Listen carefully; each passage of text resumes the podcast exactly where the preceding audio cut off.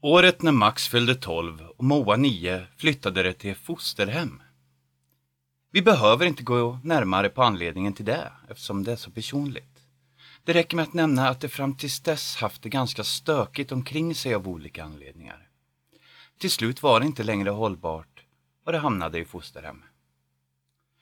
Det kom till ett lite äldre par som saknade egna barn.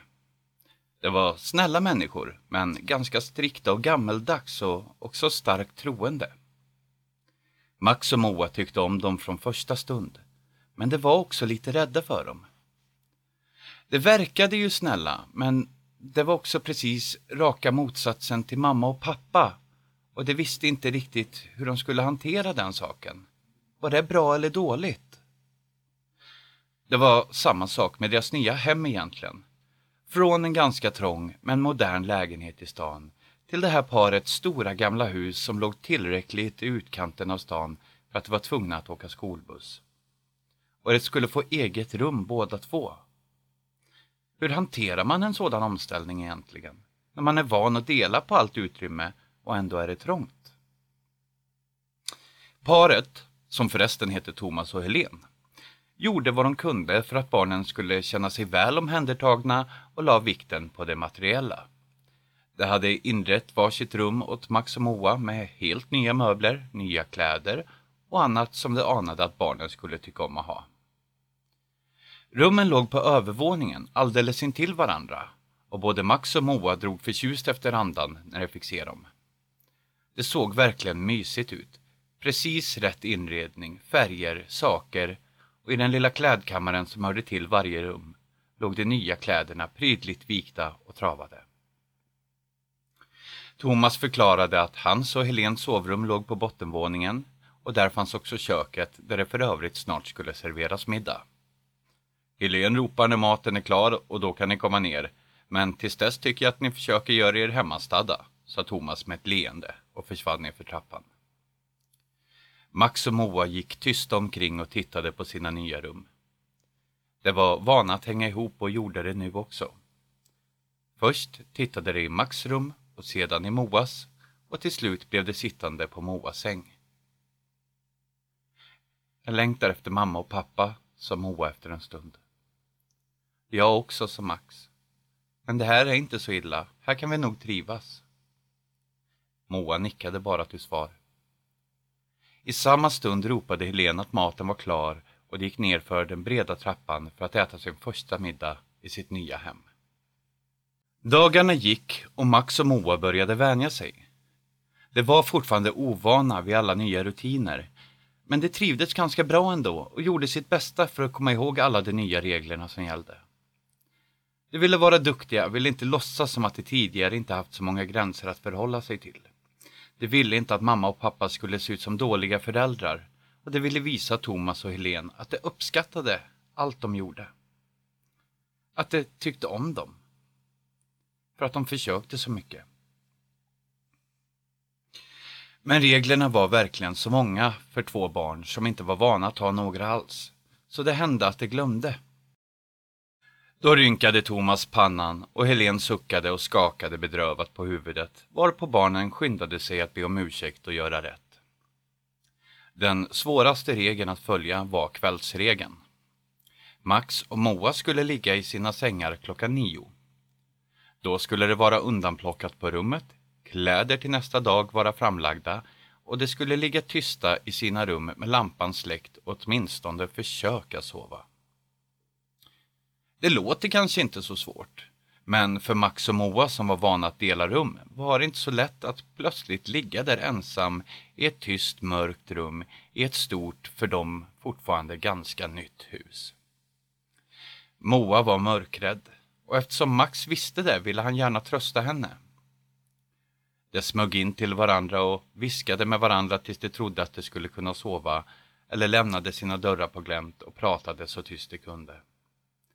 Thomas och Helene kom på dem med detta flera gånger och tappade till sist tålamodet. Det skällde strängt på dem. Barn måste sova. De måste orka med skolan, skällde de. Och de var så arga att efter att ha fått samma utskällning några gånger vågade de inte längre fortsätta. Det höll sig till kvällsregeln efter det och följden blev att båda barnen blev ledsna när klockan närmade sig nio. Moa grät och Max blev tyst och butter. Thomas och Helen förstod inte problemet. De kunde inte förstå varför barnen var så besvärliga varje kväll. Så de höll fast vid sin regel och tänkte väl att barnen skulle vänja sig så småningom.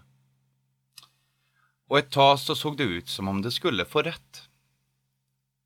Max och Moa fann sig i regeln, rättade sig efter den och utåt sett såg det ut som att de slutat bryta mot reglerna och vara besvärliga på kvällarna. Thomas och Helen var nöjda. Men det var bara som det såg ut. Och det var bara lugnet före stormen.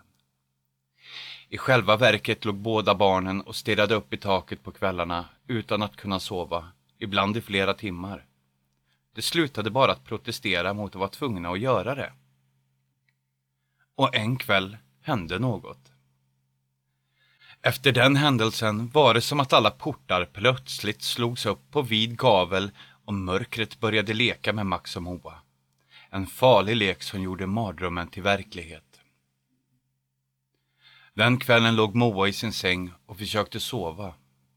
Hon försökte verkligen, men det var helt omöjligt att göra annat än att ligga där och titta upp i taket med vidöppna ögon och lyssna på ljuden från det gamla huset. Hon hade börjat vänja sig vid dem nu. Det var inte lika skrämmande längre nu när hon visste precis hur det lät när ventilationen slog av och på. Hur det knäppte i väggarna och hur rören susade så att det hördes när allting annat var tyst. Men det var ändå helt omöjligt att somna. Plötsligt hörde hon en hög smäll. Inte som åska eller fyrverkerier. Inte som om någonting exploderat heller. Eh, det lät mera som om någon med full kraft krockat med husets yttervägg. Den som var vid hennes huvud. Moa låg alldeles still och väntade. Snart skulle hon höra springande steg där ute på gatan när folk kom för att se vad som har hänt. Kanske skulle hon höra sirener också och Thomas och Helen skulle komma och se om hon vaknat och smällen och blivit rädd. Men inget av det hände. Istället kom det en till smäll. Och så ytterligare en. Nu var Moa riktigt rädd. Vad var det som lät så där och varför kom ingen? Ingen verkade göra något eller ens höra smällarna.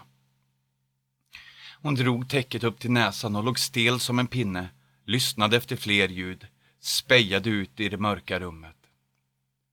Så såg hon hur dörren till rummet gled upp, tyst och långsamt. Det var mörkt och svårt att se först. Men så hörde hon Max röst viska. Hörde du också det där? Ja, svarade hon genast lättad över att han var där. Vad var det där? Jag vet inte. Den kvällen bröt de mot reglerna och satt länge och viskade med varandra i Moas rum.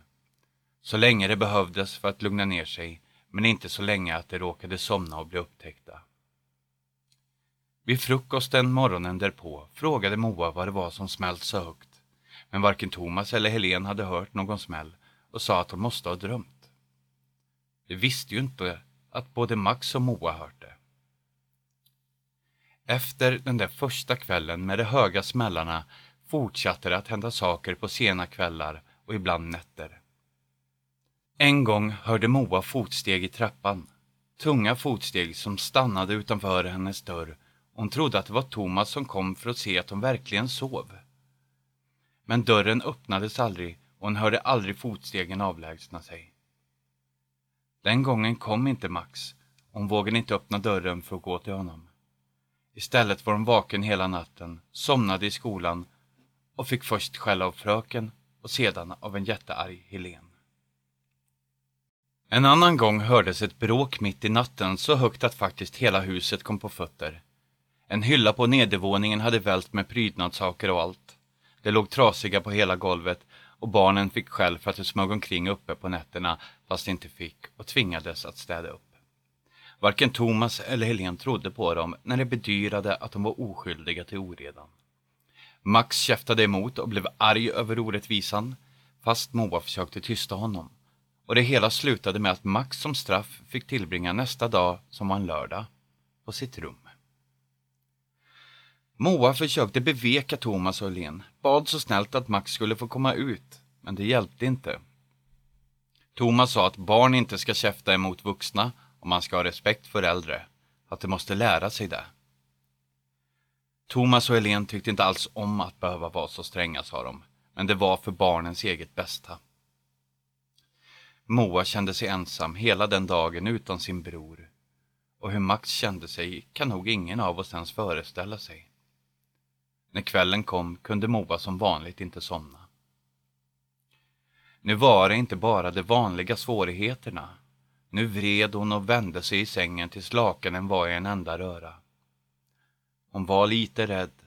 Hon oroade sig över Max som varit instängd hela dagen på sitt rum och var besviken på Thomas och Len, fast hon inte riktigt kunde sätta ord på varför. Dörren till hennes rum öppnades helt utan förvarning eller föregående ljud och hon spratt till där hon låg, för ögonblicket skräckslagen utan att egentligen veta varför. Men så såg hon att det var Max. Det var bara Max som långsamt och försiktigt smög sig in i rummet. Hej, viskade hon mot hans mörka skepnad, men fick inget svar. Hej Max, försökte hon igen, lite högre den här gången. Fortfarande inget svar. Moa satte sig upp och tände lampan på sängbordet. Det krävdes en del ögonknuggande innan ögonen vant sig vid det plötsliga ljuset och medan hon höll på med det hörde hon plötsligt Max flämta till och kisade mot honom. Plötsligt stod Helen där i morgonrock och tofflor med ena armen runt Max axlar. Shh, sa hon lågt. Max går i sömnen och jag ska se till att han kommer i säng igen.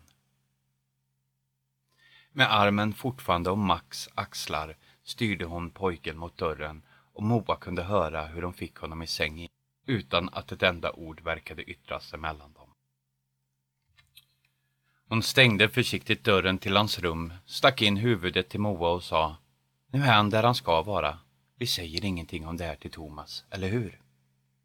Moa nickade och Helen stängde även hennes dörr. Konstigt, tänkte Moa. Max har aldrig gått i sömnen förut.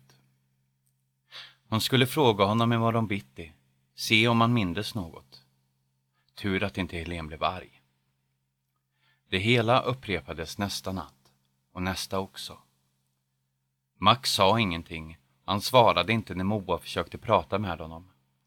Han sa att han inte mindes när de frågade honom efteråt, men han verkade inte vara riktigt sig själv och var plötsligt tyst och sluten. Till slut gick det som det måste gå.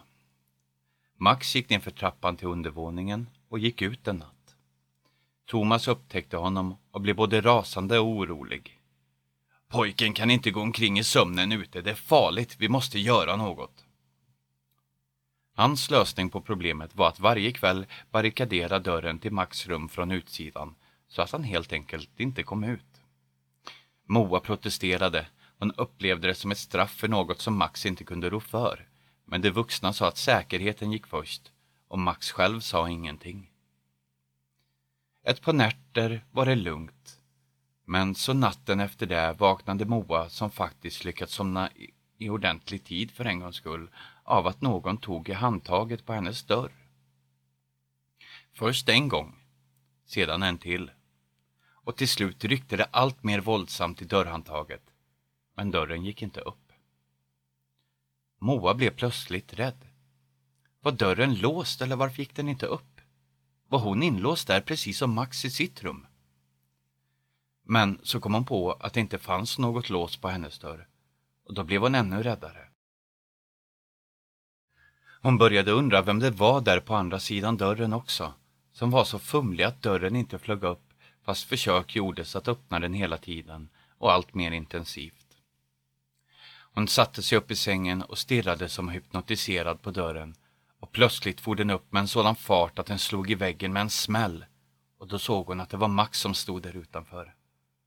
Men hans dörr var ju barrikaderad utifrån. Hur hade han kommit ut? Max gick långsamt men utan att tveka in i hennes rum och fram till sängen och nu kunde Moa se att det var något fel. Något stämde inte med honom. Han går nog i sömnen, tänkte hon. Gå och lägg dig igen och sluta väsnas. Om du väcker dem blir de jättearga, vet du väl, väste hon åt honom. Han vände henne ryggen och för ett ögonblick trodde hon att han skulle göra som hon sa. Men det gjorde han inte. Istället gick han tvärs över rummet och fram till klädkammaren, klev in där och stängde dörren efter sig. Det var verkligen inget stort utrymme där inne. Alla väggarna var täckta av hyllor och där fanns precis så mycket plats att en person kunde stå där inne. Hon såg att lampan tändes där inne och sedan, sedan hörde hon Max mumla någonting. Hon kunde inte höra orden, bara att han sa något, som om han pratade med någon där inne. Till sin fasa hörde hon att han fick svar. Inga ord hördes nu heller, bara ett mumlande från en djup röst. Det var en man, det hörde hon tydligt, och lika tydligt kände hon hur håret reste sig i nacken och hon blev som förlamad av skräck. Kunde inte säga något, inte röra sig eller ropa. Pratet tog slut och ersattes av en serie kvävda ljud. Instinktivt kände hon igen det, fast hon aldrig hört det förut. Det lät som någon som inte fick i sig tillräckligt med luft. Som någon som kämpar efter att ta ett andetag, men det finns inte plats i halsen för luft. Och nu skrek hon. Äntligen skrek hon. Hon skrek och skrek och till slut kom både Helen och Thomas springande med morgonrockar fladdrande runt benen och utan tofflor. Moa kunde inte sluta skrika och hon fann ändå inga ord för detta fasansfulla. Istället sträckte hon ut handen och pekade med ett darrande finger mot klädkammaren. Hennes ansikte var gråblekt och munnen uppspärrad i ett stort skrikande hål. Thomas gick med bestämda steg fram till dörren och slet upp den med ett ryck. Lampan var släckt där inne och i mörkret stod Max. Han hade kissat på sig och hans pyjamas var sönderriven längs ena armen. Med tunn, entonig röst sa han orden. Det enda ord som kunde göra saken ännu värre än vad det redan var. Det är en man här inne. Tramsröt Thomas tog tag i Max arm och drog ut honom i rummet. Ser du hur du ser ut? Skäms du inte? Det tog en stund innan huset kom till ro efter den händelsen. Ingen kunde förstå hur Max kommit ut ur sitt rum och vad Max själv sa spelade inte de vuxna någon roll. De trodde inte på honom i alla fall. För Moa berättade han senare att han inte mindes hur han kommit dit, men att han kvicknade till där inne i klädkammaren och att det fanns en svart skugga där som pratade med honom. Som sa hemska saker. Han ville inte berätta vad, men sa åt Moa att vara noga med att hålla den dörren stängd. Så att det inte skulle kunna ta henne eller honom själv. Så att det inte kom ut. Moa rös bara hon tänkte på det hon förstod inte vad det var som hände med hennes bror. Hon märkte bara att han efter det var annorlunda, även mot henne. Hon förstod att vad han än hade upplevt så var det fruktansvärt och hemskt. Det sista de upplevde i det där huset drabbade inte Max, utan Moa.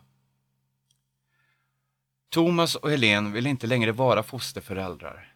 De tyckte inte att de klarade av uppgiften längre och de trodde att Max hade någon sorts allvarliga psykiska problem som han behövde mer hjälp med än vad de kunde erbjuda. Så Max och Moa skulle flytta ännu en gång. Så sista natten i huset, när Moa låg där i sin säng och undrade hur det skulle bli med allt, var hon lite ledsen. Hon oroade sig. För de båda och för Max och för om det kanske var dåliga, besvärliga barn eftersom ingen verkade klara av att ta hand om dem. hon kunde inte hjälpa att hon tyckte lite synd om Thomas och Helen. Kunde inte låta bli att tycka om dem trots allt. Och det visste hon att Max gjorde också. Tyckte om dem för att de hade försökt. Hon kände att hon var på väg att börja gråta och bet sig hårt i läppen för att låta bli så fick hon syn på dörren till klädkammaren. Den stod lite på glänt. Hon var helt säker på att hon inte glömt att stänga den. Hur kunde den då vara öppen? Hon mindes Max ord. Låt det inte komma ut. Hade det gjort det nu? Hade det kommit ut? Moa uppfattade en rörelse i ögonvrån och vände blicken åt det hållet, fast långsamt, för hon visste att egentligen ville hon nog inte se. För nu hade det mycket riktigt kommit ut och ännu en gång skrek hon allt vad hon orkade. Skrek på Max, på mamma, Thomas, Helen, vem som helst. Hon hörde genom skriket springande steg närma sig. Hörde hur de försökte öppna dörren men inte fick upp den. Hörde hur de bankade, ropade på henne och sa till henne att för guds skull öppna dörren. Men hon förmådde inte röra på sig och hon fortsatte bara skrika. Till slut lyckades Thomas få upp dörren och de kom alla tre inrusande. Helen skyndade fram och tog henne i famnen, klappade och försökte trösta. Thomas försökte titta överallt på en gång efter orsaken till allt detta skrikande. Men Max stod bara där, mitt på golvet och sa helt lugnt. Det har kommit ut va? Moa nickade, snorade och torkade tårarna. Det satt på väggen en stor svart skugga, stor som en vuxen man, som, som pappa och det satt på väggen som, som en fluga, nej förresten en ödla, som om den kröp omkring på väggen fast den satt alldeles stilla. Sen blinkade jag och när jag tittade igen hade den ändrat läge och då skrek jag. Nu var det Max tur att nicka. Sedan klappade han henne på huvudet och gick tillbaka till sitt rum utan att säga mer. Han var inte längre så pratsam, Max.